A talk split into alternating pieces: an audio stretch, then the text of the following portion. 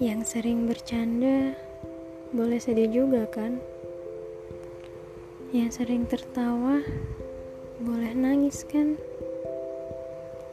Dan yang sering gak apa-apa boleh capek terus ngerasa kecewa kan?